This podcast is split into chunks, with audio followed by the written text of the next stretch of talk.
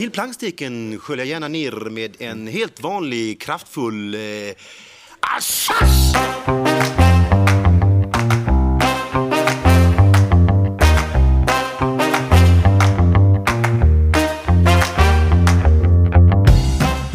Då är vi tillbaka Jajamän, i Alsace. i Alsace. Exakt. Vi eh, har ju skämtat några gånger om eh, Parlamentklippet och Robert Gustafsson Mm. som imiterar Bengt Frithiofsson.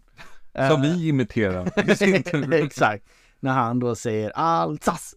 Okej, men vi fortsätter vår Frankresa nu då.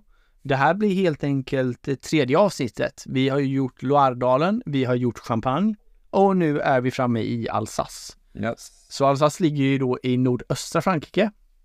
Eh, och fast att eh, det ligger så pass långt norrut som det ändå gör så är det faktiskt ett av Frankrikes mest soliga vindistrikt. Nästan alla viner härifrån, drygt 90 procent då, är vita.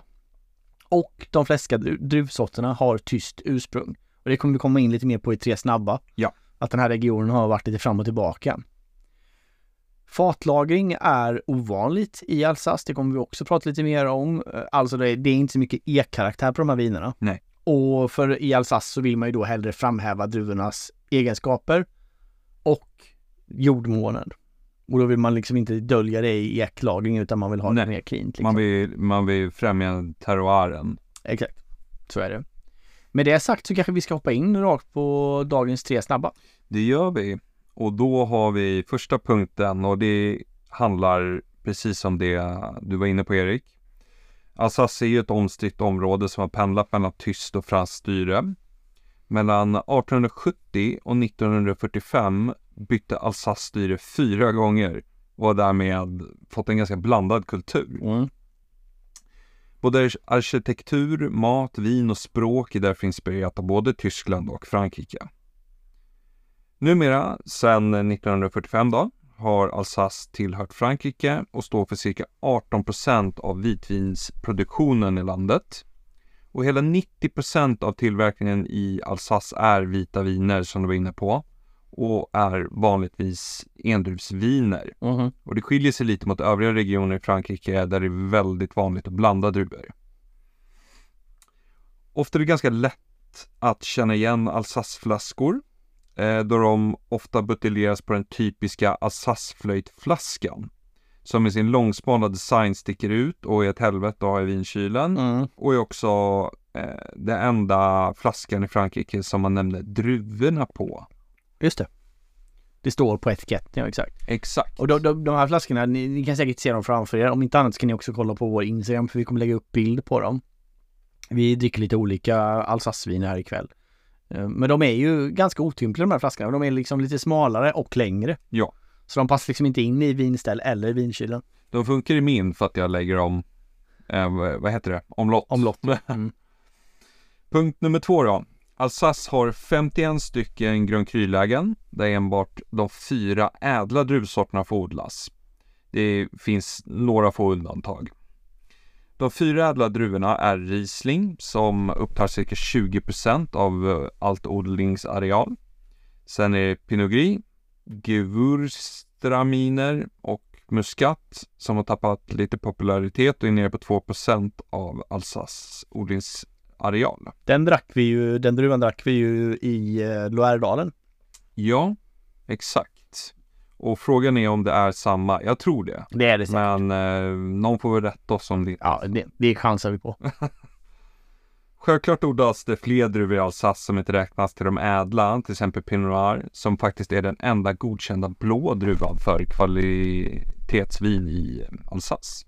Jag tyckte vi skulle köpa en Pinot Noir ehm, till det här avsnittet och testa också för att det kan vara lite kul och otippat just att det kommer från regionen Alsace. Mm. Men eh, vi kan ju helt ärligt säga att det var ganska svårt att hitta någon som var rimlig i pris och hade ett bra betyg.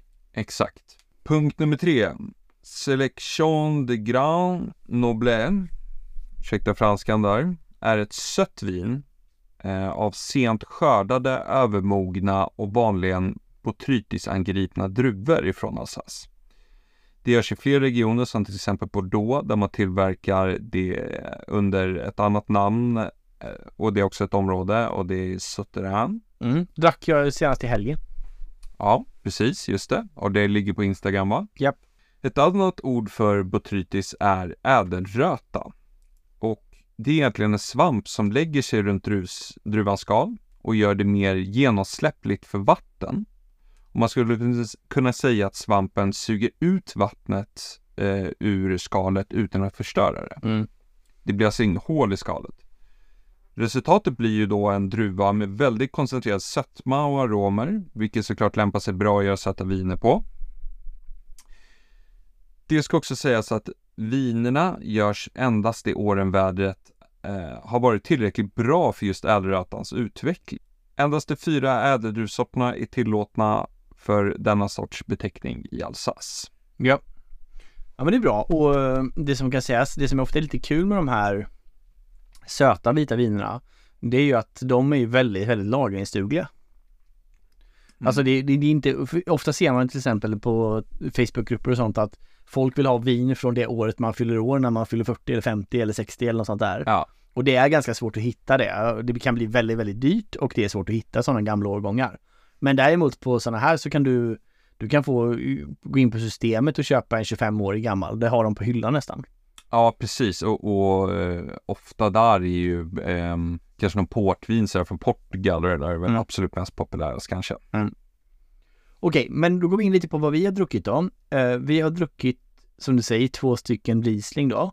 Vi börjar med den som är lite dyrare. Den heter Hugel, H-U-G-E-L, från Alsace. Nummer på Systembolaget är 750. Druvan är då en 100% Riesling. Som vi sa, där, i den här regionen så blandar man inte så mycket utan det är Nej, och det står faktiskt Riesling på etiketten. Eh, vilket då eh, visar på det. Så det är ganska lätt på det sättet. Väldigt lätt på det sättet. Vinerbetyget är 3,8. Vi höjde det till 3,9. Smakprofilen är, som det här kan jag säga, det är för alla Riesling i alla fall för de vi har tittat på. Det är då citrus, grönt äpple och mineraler.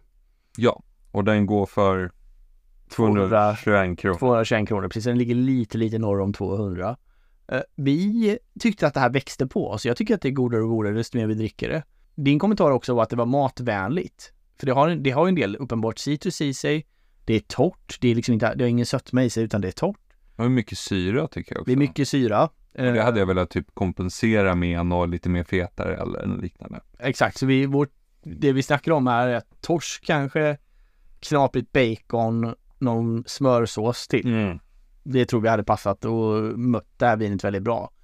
Kanske liksom, ja, jag skulle nog helst, om jag skulle köpa det igen så hade jag velat ha det till mat. Jag köper nog inte igen och dricker det fristående som vi gör nu. Nej, jag är helt enig.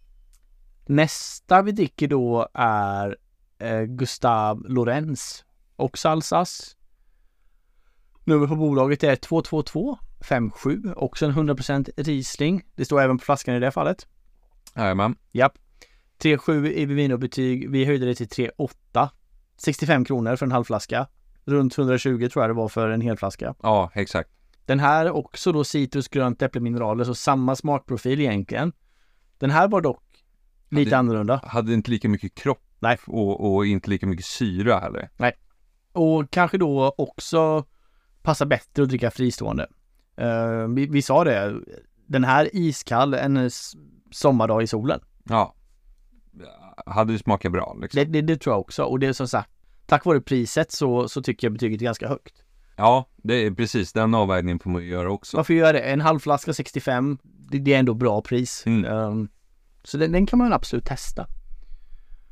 Så det var de två vi, vi har druckit och rekommenderar då helt enkelt. Mm, fullt fokus på Riesling. Mm. Vi återkommer med um, lite mer djupgående information här efter dagens fråga. Mm. Och då är frågan egentligen, vad är skillnaden på rött och vitt vin? Mm. Rött vin görs ju på blå druvor och vitt vin görs på gröna druvor eller blå druvor. Där man egentligen inte låter skalet ligga med i, i druvmusten. Det, det man gör är ju i rött vin, då ligger skalen med och i skalen finns ju då ett ämne som heter tanniner. Vilket ger den här strävheten och sen finns även alla färgämnen i skalen. Mm. Så ligger skalen med så lakar du ur färg och du får den här sträva, strävheten tanniner, alltså i vinet. Och så brukar du då tillverka ett rött vin genom att låta skalet ligga med. Och i ett vitt vin så är det väldigt sällan du har skalet med. Därför har du väldigt sällan tanniner i ett vitt vin. Just det, precis. Och här kan man då lätt kanske göra tankevurpan och säga att rött vin görs på blåa druvor och vitt vin görs på gröna druvor. Men det är Mm. alltså inte sant. Nej, exakt. Utan vitt vin kan göras på blåa druvor också, men som du säger, skalet tas bort då. Mm. Champagne, det är, ju, det är ju ofta väldigt liksom stor matkropp sådär. Med, eller kropp i vinet som funkar bra med mat. Men där är ju vinet vitt. Eh, men det kan vara väldigt mycket Pinot Noir i. Ja. Alltså en blå druva. Japp. Och här kommer ju det här, det har vi pratat om tidigare i podden, orangevin in. Att eh, ofta låter man eh, i orangevinet, då låter man skalen ligga med. Mm. Och då lockar du ur färg och då får du det här lite mer guldfärgade vinet. Tack vare att skalen ligger med och lackar ur. Just det. Yes, Ska vi, ja precis, ska vi dyka in lite djupare i Riesling då? Ja, och Riesling kommer ju i många olika former världen över. Allt från torra till honungssöta varianter. I just Alsace är det främst torr Riesling som produceras. Mm. Riesling trivs i svala klimat och doften påminner ofta om citrus, druvor, gröna äpplen, päron, honung, mineraler som du var inne på med, med smakprofilerna på de viner vi provade. Även honungstonerna blir tydligare efter lagring och den gröna frukten ersätts mot lite mer gula plommon och torkad frukt. Eh, ju äldre vinet blir då. Mm. Däremot är det ytterst sällsynt att ri- Riesling fatlagras som de var inne på. Men passa utmärkt att lagra i flaska. Och då får du de här lite mer mogen frukt. Mm. Det låter spännande faktiskt. Eh, på längre sikt. Tack vare vinets höga syra så kan det fortsätta utveckla sig i många år. Och ett vanligt kännetecken för en lagrad Riesling är att det ofta utvecklar toner av petroleum i vinerna. Det känner man igen, ja just det. Mm. Vart man än odlar Riesling så behåller det ändå sin grundkaraktär och det är ofta lätt att urskilja i viner. Till skillnad från till exempel Chardonnay så lagras Riesling sällan på ekfat som sagt och eh, åtminstone nya varianter. Detta gör att det är lättare att urskilja dessa viner då ek nästan aldrig förekommer och det istället är druvans naturliga karaktär som lyfts fram och det var du inne på också. Och då pratar man ju mycket om att man vill framhäva terroiren, att, att eh, druvan ska återspegla växtplatsen. Ja.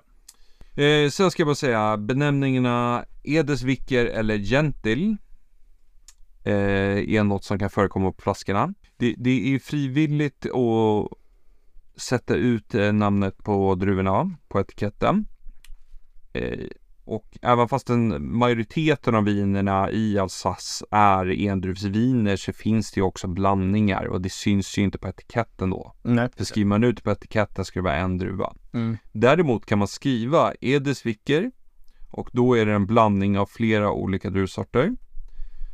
Eller så kan man skriva ut beteckningen Gentil och den får bara användas om blandningen består av minst 50% av de här ehm, eh, ädeldruvorna. Det var de du nämnde i början där, ja. Muscat och Pinot Gris och Riesling och... Ja men precis. Mm. De, är- de är ädla druvorna, exakt. Och de är ju som mycket riktigt du sa Riesling, Muscat, Pinot Gris eller Gewürztraminer. eh, resten eh, består av eh, Sylvaner, Chasselas eller Pinot Blanc. Och dessutom måste varje druvsort ha vinifierats separat. Det vill säga att du, du har gjort vinframställningen eh, i en egen ståltank och sen blandar man det eh, på slutet för att det ska vara godkänt som en AOC Alsace, alltså, alltså kvalitetsvinsbeteckningen i Alsace. Ja, exakt. Ja men det är bra. Jag blev lite sugen på att köpa en till och lagra några år. Mm. Lägga på långlagring. För just få fram det här petroleumgrejerna, det tror jag verkligen på. Eh, också intressant att få in med det här med torkad frukt och gula plommon istället för den här eh, gröna frukten. Ja, Det, det kan vara lite omoget på Ja. något sätt. Ja. Och, och, och bara man hör de här namnen på frukterna kä- känner man ju hur det blir avrundat Mm. komplett Mm. och, och lite mustigt liksom. Det kanske får bli dagens lärdom helt enkelt att eh, hitta någon lite bättre Riesling från Alsace då. eh, lägga den på lagring 5-10 år och se hur den utvecklas. Mm. Det, det jag brukar göra, nu jag, jag har gjort det här med några flaskor, att man köper för att lagra och då köper jag ofta två. Eh, Så man kanske kan gå ner lite i pris så man kan köpa två, för då kan man dricka en om ett, två år. Och sen ska man dricka ett om fem år, då har man något, eh, ett referens. Ja, det är ju nästan en synd att inte köpa två. Ja, faktiskt. För man kan ju knappast hålla sig. Nej. Man vill prova på en gång och sen kan man ändå ha något form av smakminne och, och som du säger. Exakt. Ja men det är bra, det var Alsace. Vad blir det härnäst? Ja, det blir väl Bourgogne helt enkelt. Mm. Trevligt. Så får vi se om det är med eller utan djura i eller om djura blir separat. Och Chablis, med eller utan i. Ja, exakt. Och det är Beaujolais och det är väldigt oklart vad som tillhör vad. Ja. Men eh, vi eh, återkommer ju med eh, beskrivningen för det avsnittet. Det gör vi. Och eh, vi ska också säga att vi finns då på Instagram. Följ oss gärna där. Vi heter Vinjakten Podcast. Eh, om ni vill någonting så har vi också en mailadress. Det är vinjaktenpodcast gmail.com. Vi tar gärna emot feedback, förslag, vad som helst. Eller om vi säger någonting fel får ni också påpeka det. Det är okej. Jättegärna. För det handlar ju om att vi ska lära oss, eller hur? Absolut. Jag lär mig något varje dag just nu. Absolut samma här. Ja, men då tackar vi för idag. Ja, ha det bäst! Hej hej!